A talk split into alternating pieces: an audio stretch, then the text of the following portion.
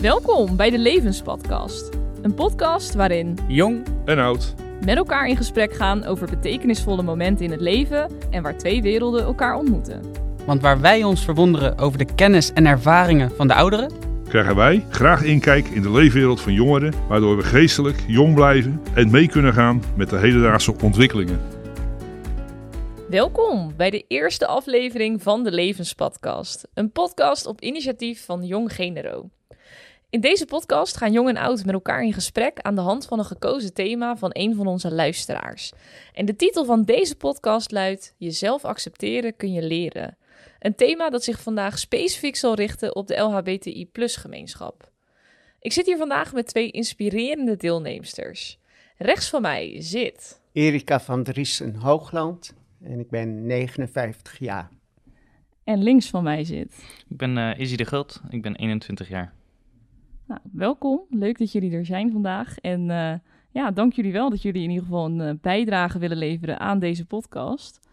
Ik zei het net al, we gaan het vandaag hebben over het thema jezelf accepteren kun je leren. En dat thema is ingezonden door Thomas. En hij ligt dit thema ook graag aan jullie toe nu. bedankt Amy. Eh, mijn naam is Thomas, ik ben een van de luisteraars en mede-organisatoren van de Levenspodcast. En ik vind het een hele eer om hier iets te mogen eh, toelichten over dit thema. Dus ik zal het, eh, bij deze zal ik hem voordragen. Laten we beginnen met het allerbelangrijkste. Een verschil en variatie is iets wat het ten alle tijden waard is om te vieren. De rijkdom die daarin zit. Echter gebeurt nog te vaak het omgekeerde in onze samenleving. Mensen luisteren niet naar elkaar en oordelen erop los. Gelukkig niet iedereen, maar nog steeds oordelen we te veel en zonder er, een, er eens zelf bij stil te staan. Hoe ga je ermee om wanneer sommige mensen in je directe of indirecte omgeving je niet begrijpen? Wat doen negatieve reacties met je? En wat doen juist positieve reacties met je? Zit hier ook verschil in tussen generaties? Deze vragen leiden allemaal naar het thema van vandaag. Jezelf accepteren kun je leren. En dat daar over de tijd heen actief een ontwikkeling in mogelijk is. En ook daarbij is de vraag: is dat echt zo? En hoe hebben de deelnemsters zelf dat ervaren over de jaren heen? Alright, dankjewel Thomas. Dat was denk ik een, eh, een mooie introductie en aanleiding voor het thema van vandaag. Wat, eh, wat roept dit bij jullie op? Bij mij riep het op ehm, of, of het daadwerkelijk zo is of je accepteren kunt leren. Ehm, het, is een proces, denk ik, van, in mijn geval van jaren. En ik vraag me af of ik mezelf al volledig heb geaccepteerd. Ja, ik denk meer dat het accepteren van jezelf een grotere stap is dan het, ja, het accepteren dat je ehm, niet bent wie je wil zijn. En dat het, voor mij zeker, is het een hele grote stap geweest om eh, daar oké mee te zijn. Van, ik weet dat ik er nog niet ben, maar ik kom er wel. Eh, en daarin het stukje ja, zelfacceptatie laten zien van, goh, het, het heeft tijd nodig en dat mag. Het hoeft niet allemaal in een dag. Nee, ik heb heel lang gewacht om met de gedachte dat ik rondliep van ehm, dat ik eh, liever een meisje was dan een jongen. Ja, toen ik opgroeide in mijn jeugd, het woord transgender kende ik niet, mijn omgeving ook niet.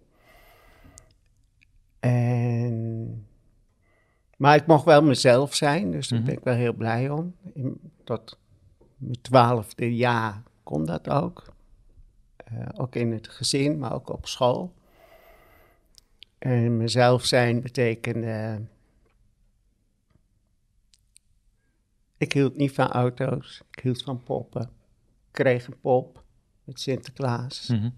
Mijn ouders hebben wel altijd verteld van... eh, ja, wat moeten we daarmee? En zijn met die vraag naar de huisarts gegaan. ja. En die had gezegd, nou, als die jongen een pop wil, dan geef je die jongen een pop. Ik doe daar verder niet moeilijk over. Mijn moeder heeft haar trouwjurk vermaakt voor mij. Dus ja, zoals meisjes of jongens soms een eh prinsessenjurk willen. Dus daar werd ook niet moeilijk over gedaan. In de omgeving wel. En dat is ook het eerste wat heel erg tot me doordrong. Dat een oom van mij zei tegen mijn moeder van... Je maakt van die jongen nog een flikker. En een flikker werd toen genoemd voor een homo. Ja, dat is gelukkig een woord dat steeds minder zo geassocieerd wordt. Ja, ja. En, maar toen wist ik ook nog niet wat een flikker was. Of wat een homo was. Want ik Nee. was toen een jaar of acht. Maar ik kon wel mezelf zijn. Dus ehm, ik eh, mocht handwerken. Mijn moeder leerde me breien, borduren, haken. We gingen vaak winkelen. Ik mocht mijn haar laten groeien. Ik mocht oorbellen in. En op de bas lagere school, heette dat toen nog, Mhm. maar de basisschool eh, kon ik ook mezelf zijn. Ik mocht eh, met de meisjes handwerken als de jongens handenarbeid hadden. Sporten was al gemengd. Dus ik heb daar eigenlijk nooit geen hinder ondervonden dat ik niet kon zijn wie ik was. Dat is wel heel mooi eigenlijk om te horen. Dat je Ja. al op zo'n ja, Ja, jonge leeftijd en zeker in ook een ja, tijdsperiode die totaal anders is dan nu. Ja, Ik zie het nu ook gebeuren. Mijn neefje heeft voor Sinterklaas een pop gekregen en die is daar doodsblij mee. Blijer dan alle auto's en alle eh, andere dingen die hij heeft gekregen. En eh, het kan gewoon. En als ik dan terugdenk aan, nou ja, mijn jeugd was dat al een drempel. En ik kan me voorstellen dat die drempel in ja, uw jeugd veel hoger was. ja. Ja, denk ik ook. Voor mijn ouders. Niet voor henzelf, maar meer wat de Ja, Eh, ik kom uit een dorp in Overijssel, een klein dorpje. Dus daar heerst ook nog wel heel erg van wat de omgeving ervan vindt en ervan zegt. ja iedereen kent elkaar. Ja, iedereen kent elkaar.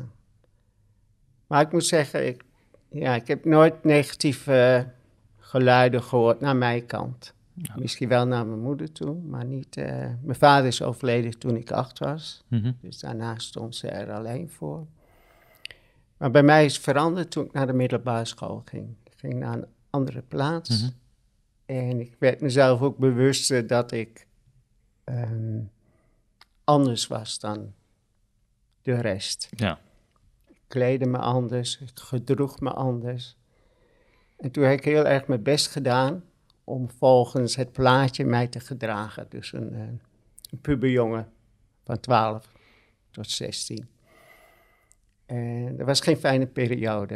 Ik ben nooit gepest, ik ben nooit achtergesteld.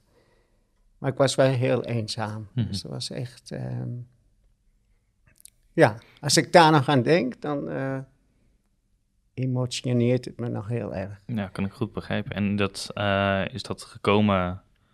eh, nou, waardoor is dat gekomen? Dat je zoiets had van... Goh, ik moet me nu mannelijk gaan gedragen. Ehm, was het een school met alleen maar eh, ja, jongens erop? Of... Nee, nee, nee. Het was een gemengde school, het was een MAVO. Ehm, wel een christelijke MAVO, maar dat was de lagere school was ook een christelijke school. Eh, maar meer, het zat ook meer in mijzelf Mhm. dan dat anderen dat zeiden. Dus Ja, want als ik het goed begrijp, Erika, wist je dus eigenlijk op jonge leeftijd al ehm, dat je je meer vrouw, meisje voelde ehm, dan man op dat moment. Maar naar de middelbare school toe ehm, probeerde je toch het beeld te houden dat je wel echt mannelijk was. Ja, ja. Ja. Waar, waar, kwam die, waar kwam dat vandaan? Dat je toch dat masker probeerde op te houden? Omdat dat van mij verwacht werd. Ehm,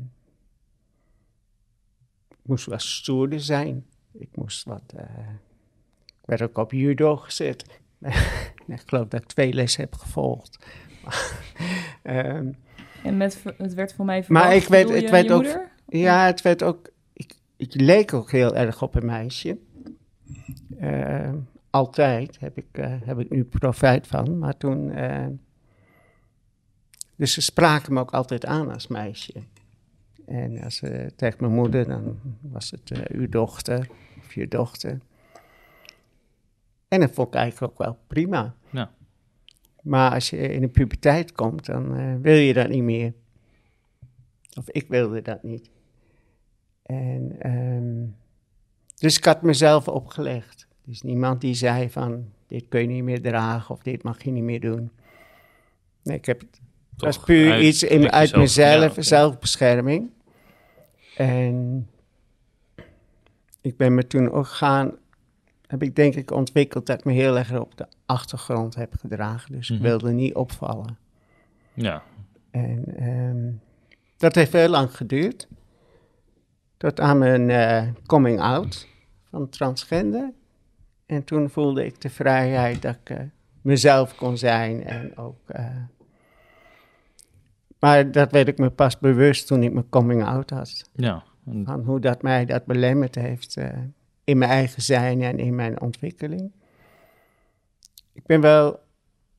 Maar hoe, hoe was dat voor jou op de middelbare school? Mij op de middelbare school. Op de middelbare school kwam ik eigenlijk pas, ja, achter niet echt. Ehm, maar ik heb, ik ben opgegroeid met een eh, zusje en eh, er is heel erg in mijn huishouden het mannelijke en het vrouwelijke rol aangehouden. Onbewust door mijn ouders. Eh, nou ja, door mijn moeder zeker. Ik heb later nog met haar besproken van, goh, hoe kan dat nou? En het is meer onbewust gebeurd dan bewust. Eh, dus mijn zusje ging altijd met mijn moeder en mijn oma weg. En ik ging met mijn vader en mijn opa weg. Eh, en zo is het eigenlijk gegaan totdat ik nou, een jaar of veertien was. Mijn puberteit inging. En mijn lichaam begon te veranderen. En ik heb het idee dat op dat moment is er iets bij mij geschoten van... Goh, eh, het gaat nu niet de goede kant op. Ik krijg niet de borstgroei die ik wil. In de plaats gaat mijn stem, wordt mijn stem laag en krijg ik baardgroei en gebeurt dat allemaal. Eh, en ondertussen heb ik een les gehad over ja, transgender en wat het betekende. En zodra ik die les hoorde, wist ik eigenlijk van, oh, dit is het. Dit is wat, wat er, nou ja, ik zeg het even tussen haakjes, mis met mij is. Want in de ja, gemeenschap is natuurlijk heel, nog heel erg nieuw transgender zijn. Er is steeds meer aandacht voor, gelukkig, maar in 2014 was dat nog niet echt. Ehm, dus ik hoorde van het woord transgender, ik hoorde wat het betekende en ik hoorde wat, het, ja, wat erachter hing. En toen had ik zoiets van, oh, dit gevoel dat ik heb, diep van binnen, dat heeft eindelijk een naam. Eh, ik begrijp eindelijk waar ik eh, heen wil of wat er, hoe ik het kan aanpakken. Eh, alleen op dat moment zaten mijn ouders, ja, zitten nog steeds in een vechtscheiding. Alleen is het gevecht een beetje uitgedoofd. Maar in 2014 was dat het hoogtepunt. Dus ik heb dat gevoel heel erg weggeduwd en meegenomen met van, goh, uh, dit is gewoon nog een aandeel van de scheiding. Dit heeft niks met mij te maken, dit is gewoon een scheiding. En tot 2018 heb ik daarmee rondgelopen. Uh, heb ik het verborgen en ben ik alleen maar uh, depressiever geworden daardoor. Tot ik op het punt stond mijn eigen leven te nemen. En besloot, besloten heb van, goh, ik probeer het gewoon. Uh, in het ergste geval neem ik alsnog mijn eigen leven. En nou ja, nu zijn we drie jaar verder en zit ik er nog steeds. En wanneer heb je je coming out gehad? Mijn coming out heb ik, nou ja, in 2018 gehad. Toen heb ik het langzaam aan mensen om me heen verteld. Uh, natuurlijk eerst aan de mensen die het verst weg van mij stonden. Op het moment dat ze me dan lieten vallen, ik soort van, nou ja, weet je. Uh, maar die reageerden er eigenlijk heel erg positief op en heel erg open over. En toen is het langzaam meer naar mijn binnencirkel gegaan. Tot het moment dat het natuurlijk bij mijn moeder kwam. Uh, die heeft er uiteindelijk goed op gereageerd. Uh, die is er wel van geschrokken aan het begin natuurlijk. Ik begreep, want het, het was niet alsof ik nou ja, als jongs af aan al inderdaad jurken droeg en uh, daarna neegde. Ik kan me dat ook heel goed voorstellen. Hè? Want als, als ouder neem je ook afstand ja. van, van je zoon, die dan je dochter wordt. Dus daar zit ook een stukje rouw in, denk ik. Er zit een stukje rouw in, maar ik vind, ja. dat, ik vind het zo'n vervelend woord. Ik hoor het zo vaak van ja, uh, ze gaan gewoon door een rouwproces heen. Terwijl ik op dat punt heb gestaan van ja, echt mijn eigen leven willen nemen. Uh, en heb ik zoiets van, ja, maar ik ben er nog. Ik heb juist heel hard gevochten, Ja. omdat dat rouwproces wil ik niemand aandoen. Nee. Ja. En nu zitten jullie alsnog in een soort rouwproces. Ja. ja, maar ik bedoel meer rouw van afscheid nemen van je zoon. In principe ik- je is dochter het is. een rouwproces, maar ik, ik, het woord doet mij ja, Ja, te veel. Associeer je het het, met, eh, met overlijden. Ja. Ja, oké. Hoe zou jij het anders willen zien of bekijken? Ehm, ja, een soort grace period eigenlijk. Een soort tussenperiode. Ja, meer een soort Ja. transitie. Ja, dat ze inderdaad. het ook zo zouden, zouden zien. Zou dat En- iets zijn hoe je het Ja, mooier zou vinden? Zeker. En daarom heb ik het veel mensen ook vrij vroeg verteld. Eh, omdat ik wil dat zij ook die tijd hebben om erachter te komen te staan. En het heeft mij vier jaar geduurd voordat ik er durfde uit, vooruit te komen.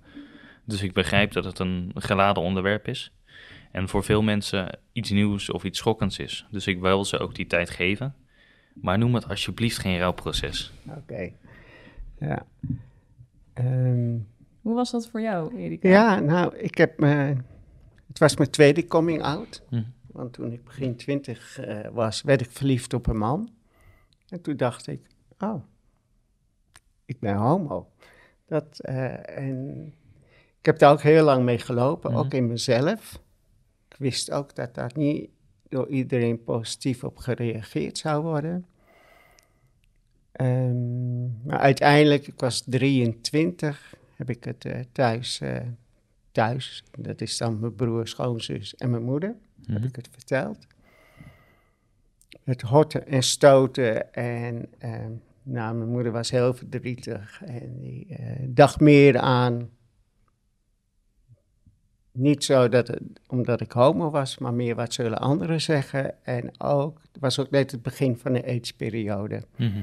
En AIDS werd ook heel erg gekoppeld aan, aan homo's in die tijd. Dus dat speelde heel erg mee. Mijn broer vond het alleen maar smerig en vies. En ehm, die zei meteen, mocht je ooit een relatie krijgen, die vent komt er bij mij niet in. En dat speelde toen niet. Ik had geen relatie. Ik had nog nooit een relatie Mhm. gehad. En, maar het was wel een hele vervelende periode. Ja. Ik, ehm, toen ik voor mij. Ik, was, nou, ik moet even vertellen, toen ik. eh, en ik was heel gelukkig in mijn relatie, ben ik nog steeds. Ik ben nog steeds met dezelfde man, 35 jaar inmiddels. En even kijken, in 2015 kwam ik zonder werk te Mhm. zitten. Ik was toen 53, 54. En toen had ik zoiets van, nu ga ik mezelf onderzoeken. Als ik duidelijk wil hebben of er eventueel sprake is van transgender zijn. Hè, er was veel meer in het nieuws geweest, eh, met name door Arie Boomsma, programma Hij is en Zij. Heeft echt een wereld voor me geopend. Dan moet ik dat nu doen. Ik heb het bij mijn man benoemd, dat ik dat wilde. En hij zei meteen van, maar dan wil ik samen in therapie om dat te onderzoeken, want anders ben ik bang dat we op twee sporen komen te zitten en uit elkaar groeien. En dat is een hele goede set geweest, dus we gingen gelijk op. En met de psychiater heb ik toen ook een keer eh, mijn broer uitgenodigd, want die had heel heftig gereageerd op mijn coming out als homo. En eh, was gelukkig allemaal weer goed gekomen hoor. Dus dat was, eh, speelde helemaal niet meer. Maar, dus dat hebben we ook, ja, met z'n allen heb ik het verteld. En ook gezegd van nee, ga het onderzoeken. Ik weet het niet of het zo is. Maar ik heb het vermoeden wel. En wat voor gevolgen dat heeft, ja, wist ik op dat moment ook niet. Maar toen werd er heel positief gereageerd. Van, eh, ja, er niet van te kijken, want je was altijd een meisje. Dus, eh, Hoe voelde dat voor jou? past- ja, dat voelde heel goed. Dat ik eh, toestemming, het voelde als ik krijg toestemming om mezelf te onderzoeken. Ja, het zal inderdaad een heel mooi moment zijn geweest. Ja, ja, het voelde die, heel die goed. vrijheid. Ja, en ehm, ik liep, ik had ook een depressie gehad net daarvoor en ik liep bij de GGZ. Mhm. En nou, die wou me, ik woonde toen in Leeuwarden. En ze wilden me verwijzen naar de UMCG in Groningen, waar je het uh, genderpolie hebt. Maar dat wilde ik nog niet. Ik had zoiets van, nee, ik wilde open in en niet meteen al een bepaalde richting. Mhm. Dus ik ben bij een uh, onafhankelijke uh, praktijk terechtgekomen. En dat is heel goed geweest. Het heeft wel vertraagd, het proces. Maar ik heb de tijd genomen om goed te onderzoeken. En na een jaar had ik het voor mezelf. En misschien heb ik het toen geaccepteerd. Van ja, ik ben transgender. En ik mag zijn wie ik ben. Ik ben oké. Maar ik wist nog niet wat ik ermee wilde. Dat. Nee, kan ik op zich ook begrijpen. Als je niet een... Ja, ik had heel snel al een beeld van, god, dit wil ik. Ja. En dat beeld was ook hetgene waar ik op uh, vastliep op het moment dat ik inderdaad ja, een uh, mannelijke puberteit inging. Ja. Dan had ik zoiets van, oh, uh, ja, nu gaat het niet meer gebeuren. Nu is het voorbij, zeg maar. Ja. Ja. Want ik had daarvoor eigenlijk nog de hoop van, goh, het komt wel op het moment dat ik in de puberteit kom. Ja, ja. Tuurlijk, ik wist dat dat niet zo was, Ja. maar ik hield de hoop. Ja. Kun je dat eens wat meer uitleggen? Want uh, eigenlijk hoopte je dus toch dat je zeg maar de vrouwelijke vormen zou Ja. gaan ontwikkelen. Ja, klopt. Ehm, en dan kom je er dus achter dat dat eigenlijk niet, eh, niet gebeurt. En toen had je dus het gevoel van nu is het te laat. Ja, ik had heel erg het gevoel van, goh, eh, ik heb mijn kans gemist. Ehm, ik wist niet wat transgender zijn was. Ik wist niet dat het bestond. Ik heb, denk ik, eh, mijn vader er één keer over horen praten eh, in een negatieve grap. Maar verder nooit, nooit iets gehoord van, goh, Nee. eh, dit bestaat of dit, dit Ja. kan, dit is een mogelijkheid. Eh, dus toen ik die puberteit raakte, had ik zoiets van, oké, eh, het had dus moeten gebeuren. Eh, en als het niet gebeurt, ja, oké, jammer. Dan Ja. blijft dit gevoel. Ja. En wanneer kwam, dan, kwam je tot de ontdekking dat er nog wel dingen konden veranderen? Nou ja, ik kwam daar later achter toen ik inderdaad hoorde van de, germ, eh, de term eh, genderdysforie en de term eh, transgender.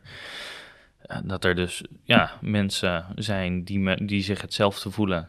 En mensen zijn die later in het leven die puberteit, die ze wel willen doorgaan.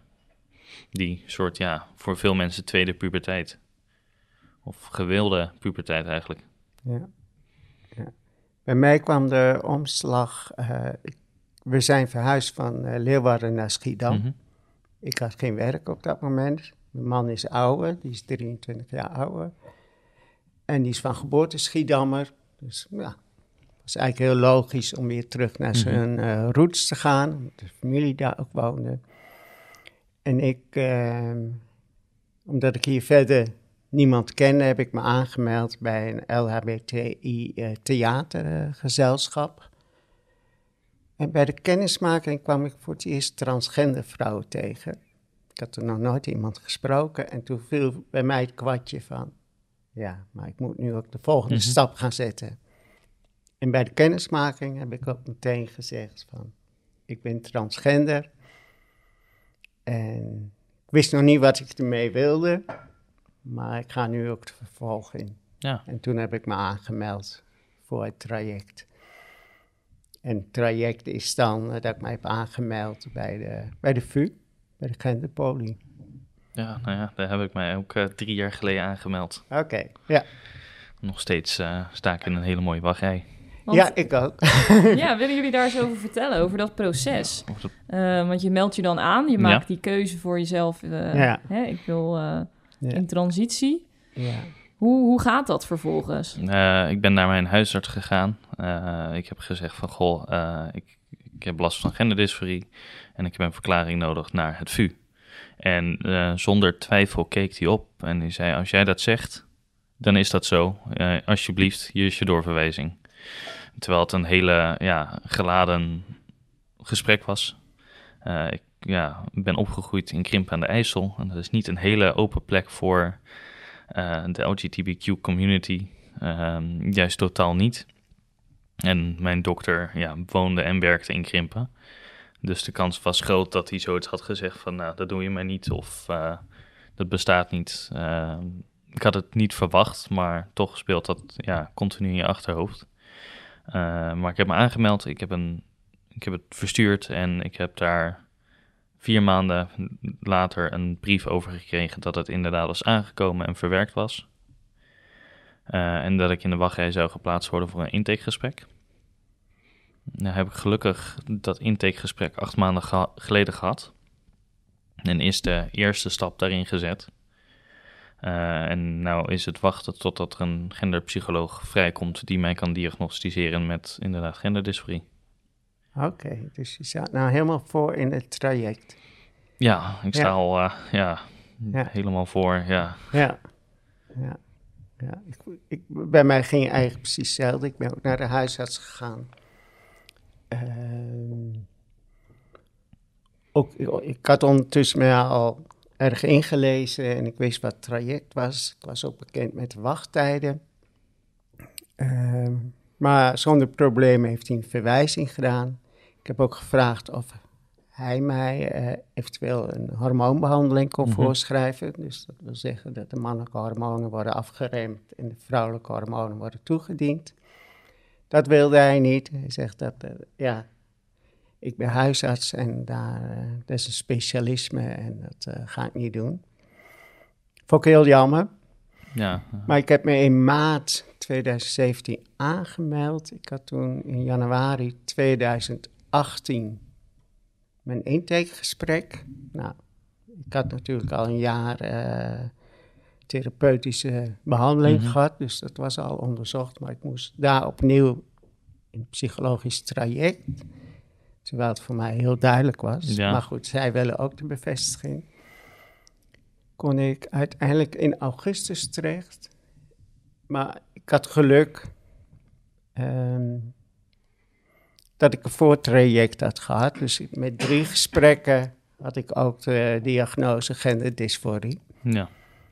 En kon ik ook, toen kwam ik op de wachtlijst voor de behandeling van hormonen, maar die duurde gelukkig niet zo lang. Dus in december 2018, nu drie jaar geleden, ben ik begonnen met de hormoonbehandeling. ja. En dat was een verademing. Ja, volgens, eh, volgens mij is dat ook echt het eerste punt waar je start met je transitie. Ik, ik, vond dat, dat jaar daartussen, want ik was maar al mijn coming out van, als jongen heette ik Erik, ik had, was me Erika gaan noemen. Mhm. Iedereen was op de hoogte, ging me kleden zoals ik wilde, opmaken zoals ik wilde. Maar ja, ik had nog heel- toch wel mannelijke kenmerken. Niet veel, maar ik had ze wel. Dus ik werd daar ook wel mee geconfronteerd. Mhm. En toen ik eenmaal aan de hormonen, toen kreeg ik de vrouwelijke vormen. Mijn heupen werden breder, ik kreeg borsten, mijn gezicht werd zachter. Je straalt ook helemaal als je erover ja, vertelt. dat, dat was echt een, eh, Heel fijn. dat was echt heel fijn. Dat was echt, en binnen een maand, hè, dat, ik denk, oh, hoe kan dat nou? Want ik, eh, ik had pleisters in het begin, Mhm. hormoonpleisters. Ik denk, hoe kan dat nou met deze pleister? Maar het, eh, en, ehm, en nou ja, op een gegeven moment kun je dan kiezen voor van, goh, wil ik ook nog eh, operatief dingen veranderen? Ik had dat van tevoren niet bedacht. Ik had zoiets van, ik laat het op beloop. Maar ik had al vrij snel, ja, nu moet ik de volgende stap opzetten. Ja.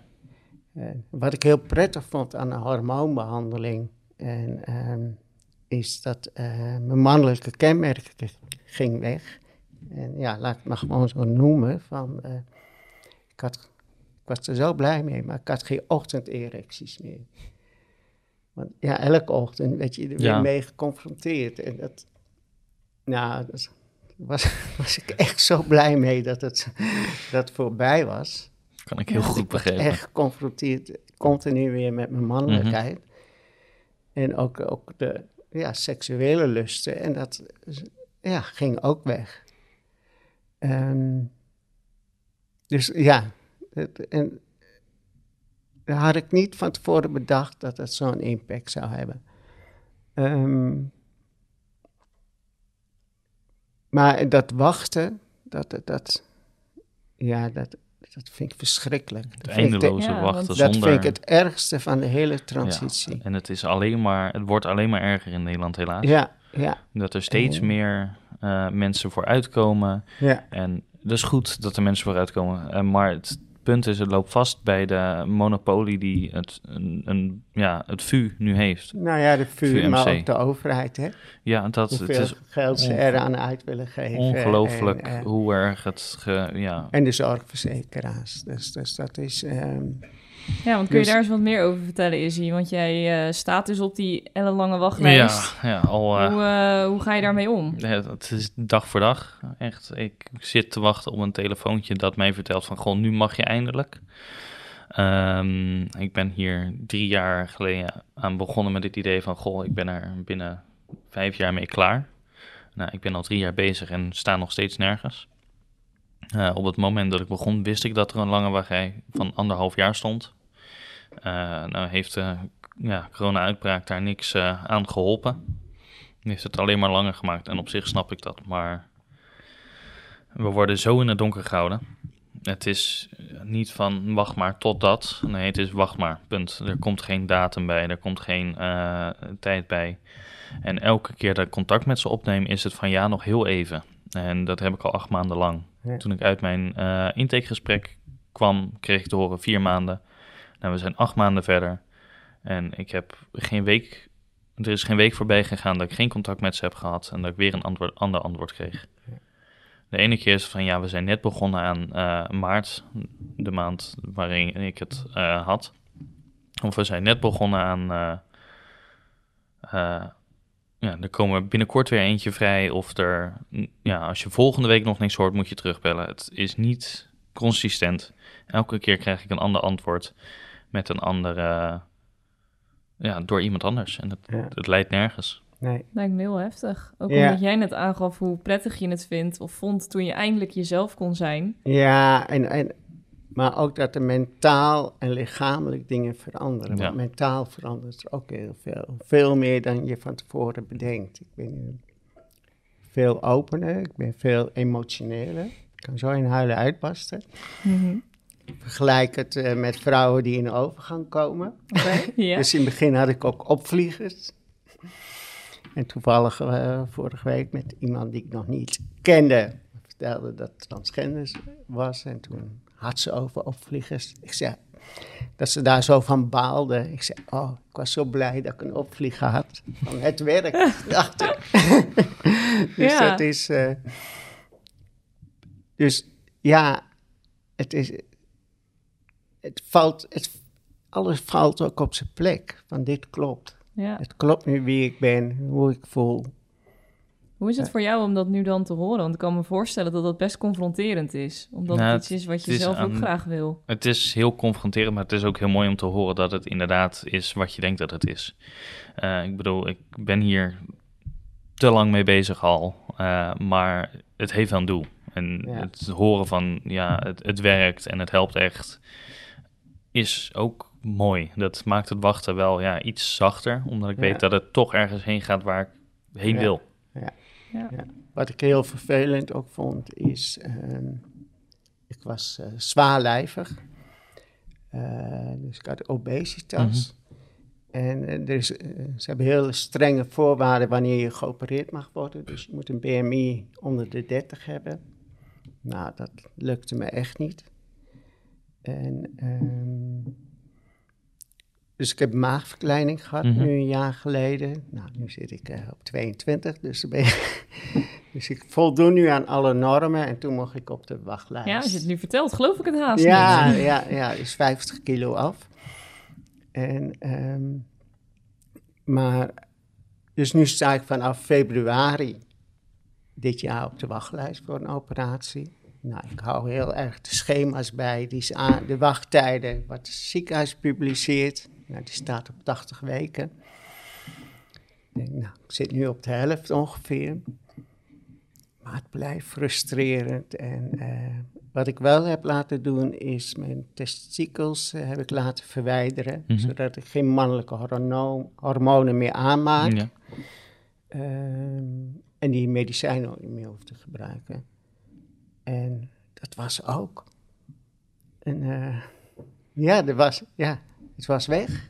Ja, verademing Dus misschien dat wel. was het zo ook een verademing. Ja, Ja. echt waar. Dat is. eh, had ik van tevoren ook niet bedacht. Maar ik denk, oké, het is het begin. En het is... eh,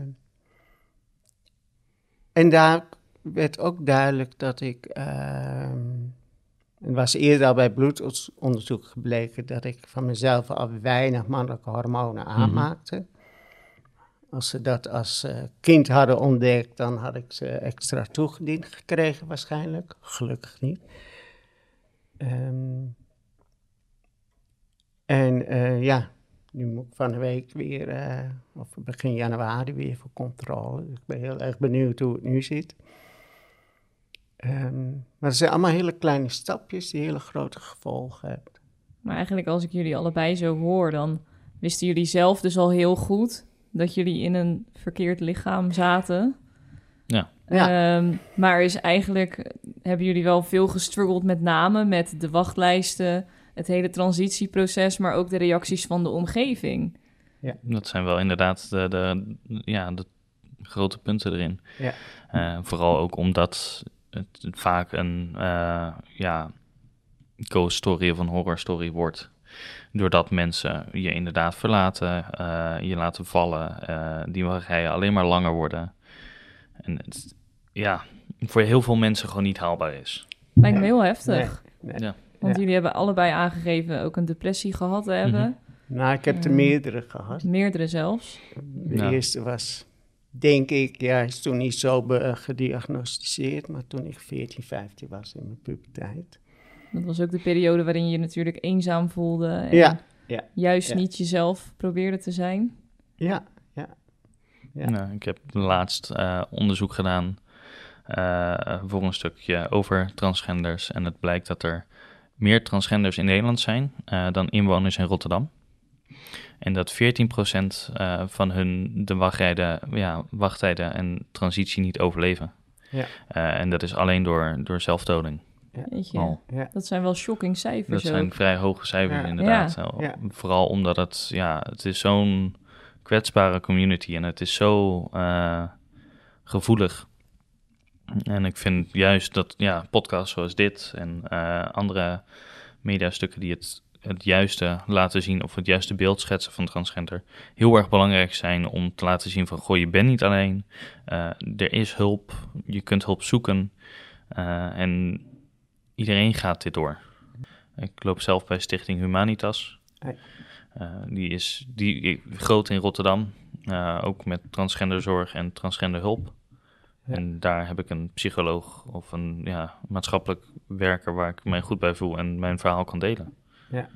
Is dat ook iets wat je zou adviseren aan luisteraars die zich hierin herkennen, dat ze ook hulp zoeken? Zeker. En het, het is heel belangrijk eh, om te zien dat je er niet zelf voor staat, niet alleen bent. Eh, en het is ook heel, heel ja, verlossend als je ziet van, goh, meer mensen zitten in de wachtrij. Ik ben niet alleen. Ja. Ja. Dat is ja, iets wat mij heel erg heeft geholpen. In het kader van eh, de tijd, helaas, ik, ik zou nog uren met jullie door kunnen kletsen. Want eh, ja, ik, ik vind het heel mooi wat jullie delen en hoe open jullie hier ook over zijn. Dus daar wil ik jullie sowieso alvast voor bedanken. Ehm, maar ik ben wel benieuwd, jullie hebben nu eh, het gesprek een beetje met elkaar eh, gehouden en gevoerd. Hoe vinden jullie dat? Merken jullie verschillen, overeenkomsten? Ja, twee verschillende generaties. Maar ik hoor eigenlijk veel herkenningspunten. Ja, Ja. en, aan de ene kant is het natuurlijk fijn dat er herkenning is tussen elkaar. Eh, aan de andere kant vind ik het ook jammer dat we allebei de wachtrij kennen.